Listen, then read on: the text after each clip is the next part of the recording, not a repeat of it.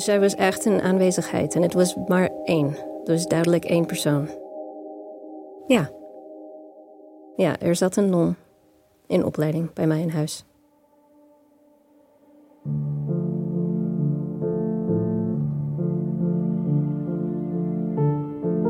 Een verschijning van geesten, vorige levens of bezoek van buitenaardse wezens.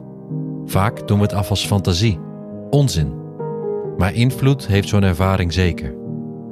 Er is iets vreemds gebeurd. Een ode aan het niet begrijpen.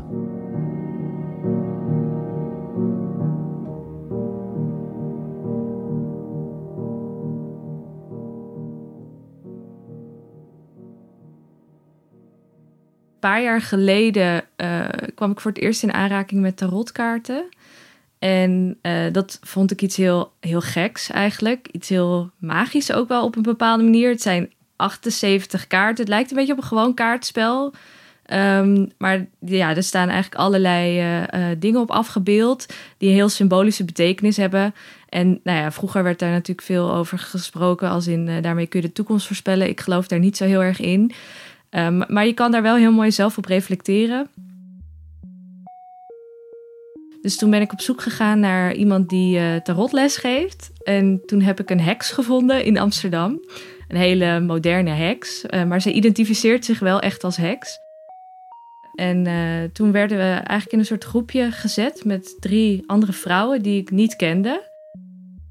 Sindsdien komen we één keer per maand bij elkaar. En dan leren we weer leggingen of de betekenis van kaarten waar we dan heel diep op ingaan met elkaar. En dan kun je er van alles van maken. Maar je reflecteert natuurlijk op basis van hoe jij je op dit moment voelt. Nou ja, we zijn dus uh, met, met vier vrouwen en een heks. En een van hun, uh, uh, Gulsen, zij kan heel goed dromen. En dat is heel tof. dus zij, ja, zij kan heel helder dromen.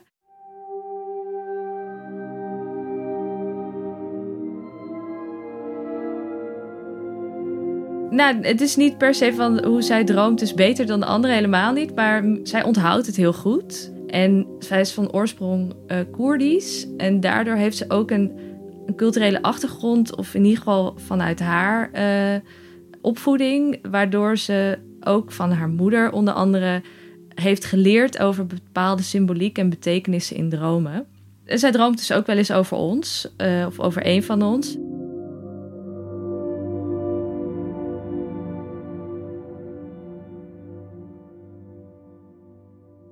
Mijn oma is eind juli overleden. En ze was tot op het laatste moment echt nog super bij. Echt heel helder en uh, sowieso een heel moderne vrouw. Ik noemde haar ook wel eens tegen vrienden. Had ik het altijd over oma iPad. Omdat ze super fanatiek op de iPad was. Um, ik weet ze heeft mij heel veel laten zien. Wat gewoon voor in mijn leven heel, heel belangrijk is. En dat gaat zij nam mij altijd mee naar de boekwinkel en dan mocht ik wat uitzoeken. En ik was helemaal gek van lezen. Dus, en dan las zij dat boek nadat ik het had gelezen. En dan hadden we vaak eindeloos gesprekken over hoe we dat boek hadden ervaren en hoe we die wereld dan zagen. En um, ze past ook veel op vroeger. Dus zij heeft mij echt van, uh, van een baby af aan zien opgroeien.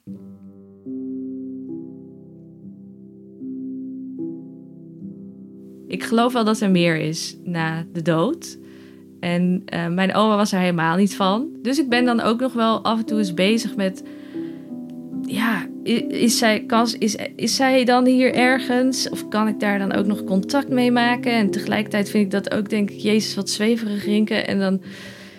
Ja, nee, ben een beetje aan, in aan het zoeken van hoe geef ik daar dan vorm aan. Dus ik had op een gegeven moment zoiets, ik denk een paar weken nadat zij was overleden, van nou die Goulsen uit mijn tarotgroepje, die vraagt wel eens of ze over iets kan dromen. En dan vraagt ze haar gidsen van mag ik hierover uh, dromen vannacht of willen jullie mij daarin begeleiden? Dus ik dacht ik ga dat zelf ook eens proberen. Uh, en het was gewoon in bed, in mijn hoofd, dat ik vroeg van mag ik over mijn oma dromen vannacht? Als het zo moet zijn, dan komt het wel en anders niet.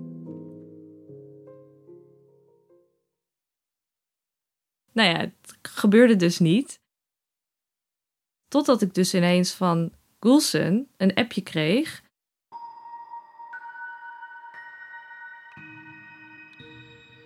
Goedemorgen, lieverd. Ik droomde vannacht over jou en je oma. Ze zat op een stoel, grijs haar, ik zag haar van achter.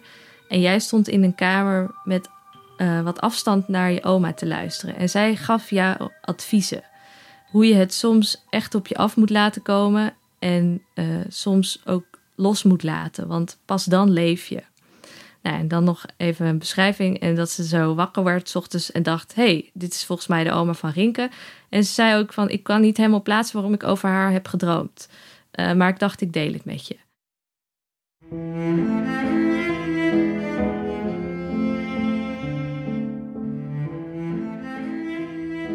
Doorgaans boezemt een ontmoeting met de geesteswereld ons angst in.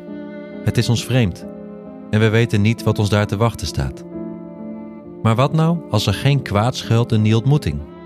Sterker nog, wat nou als die wereld je probeert te beschermen en adviezen geeft?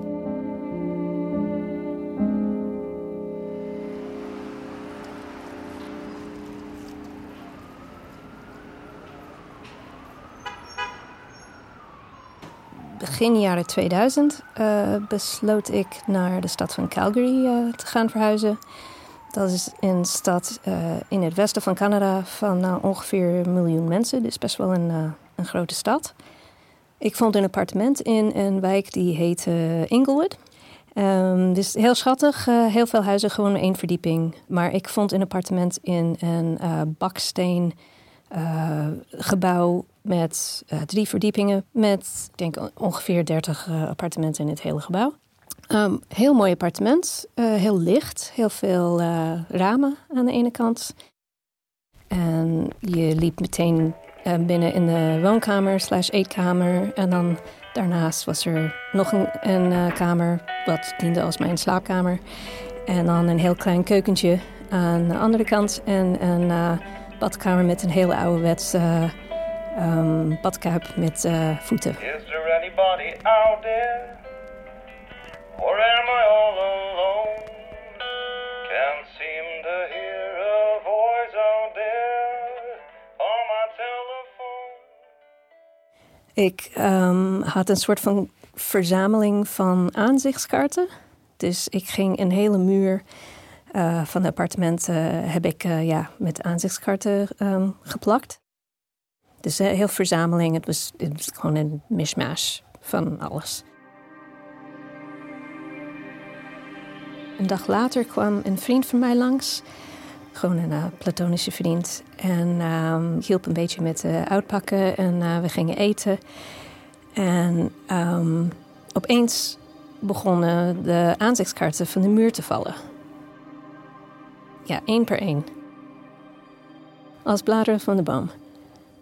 En binnen een half uur lagen 20 of 30 uh, eh, aanzichtskaarten op de grond. Dus ik dacht, ja, oké, okay, eh, foute plakband, uh, verkeerd geplakt of rare verf op de muur of zoiets. En um, net voordat hij wegging, wilde hij naar de badkamer of de wc. En hij, hij zei: hey, de, de lamp in de wc doet het niet. Dus ik ga naar de wc en ja, inderdaad, de lamp doet het niet. Hij ging weg en um, een paar uur later ga ik naar de wc om mijn tanden te poetsen en de lamp doet het weer. Dus ik dacht, ah, beetje raar, maar whatever. een paar dagen later komt mijn oom langs. En uh, hij is um, ja, electrical engineer, zeg maar. Als iemand die bezig was met ja, hoe krijg je stroom door een hele machine en uh, kwam altijd langs uh, als iemand een nieuwe woning had om uh, te kijken van ja, doet, doet de stroom het goed en al dat soort dingen. En um, dus ik vertelde hem over die, die um, badkamerlamp. En, en ja, hij ging naar de badkamer en inderdaad, de lamp deed het weer niet. En hij keek daarnaar en hij dacht, ja, oké, ik zie niet wat het probleem is. Maar uh, ja, misschien moet je gewoon naar je, je huisbaas en toen misschien is het een, een ja, veel voorkomende probleem of zo. En dan ging hij weg. En dan weer een paar uur later, die, uh, de badkamerlamp, die deed het weer. Mijn uh, vriend die kwam, uh, ja, elke week kwam hij een keer langs of zo. En elke keer dat hij langskwam, uh, begonnen de aanzichtskaarten weer van de muur te vallen en deed de wc-lampen niet meer. En dan op één avond, hij bleef ietsje langer. We hadden nog een glasje wijn en het werd donker buiten. En opeens hoorde ik iets aan het kloppen vanuit de verwarming. Hele oude verwarming met, weet je, van die hele oude ijzer, soort van bijna een opgekronkeld slang. En uh, het klonk alsof iemand in de verwarming was met een hamer. Gewoon tik, tik, tik.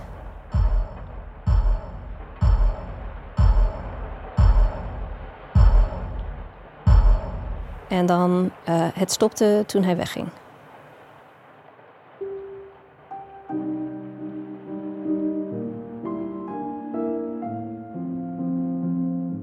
Ondertussen kwam mijn zus een paar keer langs en, en dat soort dingen gebeurden niet toen zij daar was. Dus op een gegeven moment werd duidelijk dat als ik alleen in mijn appartement was met een man, maakt niet uit of het mijn oom was of een, een, platonische vriend of een, uh, ja, een geliefde of zoiets, maakte niet uit. Dan, uh, toen gebeurden allerlei rare dingen.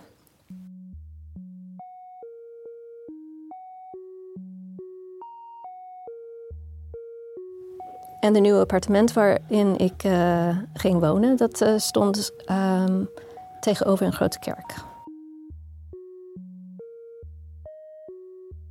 En dan op één dag uh, ging ik naar de kelder van het appartement toe. Daar stonden alle wasmachines en drogers. En ik kwam mijn huisbazin tegen. Ik vertelde het aan haar. Ik zei, uh, ja, als een man langskomt, dan uh, hoor ik heel uh, vreemde geluiden. De badkamerlamp doet het niet. En, ja, haar gezicht was gewoon helemaal bleek. En ze zei, oh nee, niet jij ook.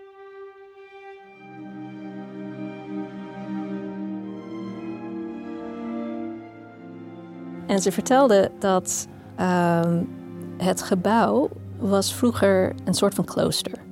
Dus het was een, uh, waren woningen voor nonnen in opleiding. Want de kerk die aan de overkant van de straat, uh, ja, die waren nonnen aan het opleiden, uh, maar um, die mochten niet gewoon over straat naar de woning. Ze verbleven in het gebouw en de opleiding was in de kerk.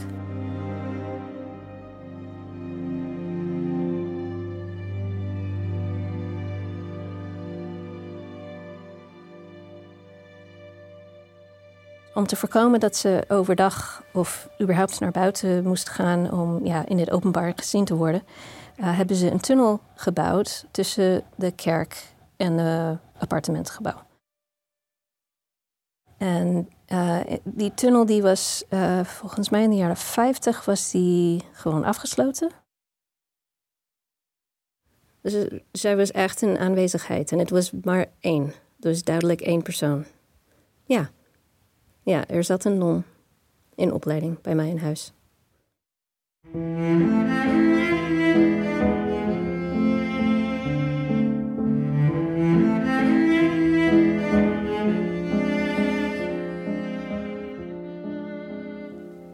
Ik heb het niet verder onderzocht. Ik, ik vond eigenlijk de mysterie daarachter ik vond ik heerlijk. um, en ja, toen zij mij dat vertelde, was dat eigenlijk verklaring genoeg, um, eerlijk gezegd. Ik had niet de neiging om uh, in de kelder uh, te gaan slapen met een zaklamp. Nee. En, en, en, ik denk omdat het voelde niet vervelend. Het voelde heel erg um, beschermend. Als je sterft, dan wordt je lichaam iets van 18 gram lichter. Zo van dat is het moment dat je ziel je lichaam verlaat. En dat die ziel ergens naartoe gaat of opgaat in, in het al. Of ik weet niet hoe, hoe dat werkt. Dat, dat vraag ik me dus de hele tijd af. Um, ik heb geen idee of zij er nog is. Uh, ik had wel nog contact met iemand die, die in het gebouw woonde voor een paar jaar. Um, en ik begreep van hem dat de volgende um, bewoner, ook een, een vrouw, uh, heeft hetzelfde gehad. En uh, ging snel verhuizen. En dat is ook net zo, net zoals dat honden veel meer kunnen ruiken dan wij. En dat uh, bijen heel andere kleuren zien. Dus um, ik geloof dat we op een bepaalde manier afgestemd zijn om, dingen te ervaren, maar dat die ervaring ook heel beperkt is. Dat weet ik niet. Ik heb wel een gevoel altijd in mijn leven gehad dat uh, niet alles te verklaren is. Um, en ik werd er niet bang van. Ook als het voor het eerst gebeurde, voelde het gewoon een beetje, ja, natuurlijk. Nou ja, ik probeer wel af en toe eens een kaartje te leggen, weet je wel. Met in mijn gedachten van... Um, uh, oma, heb je een boodschap voor me op dit moment? Ik, ben, uh, ik, ik weet niet wat ik hier en hier mee aan moet. En ik schud totdat er één kaart gewoon random op de grond valt.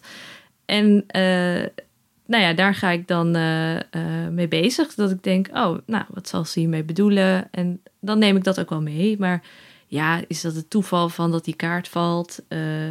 is dat oma? Ik weet het niet.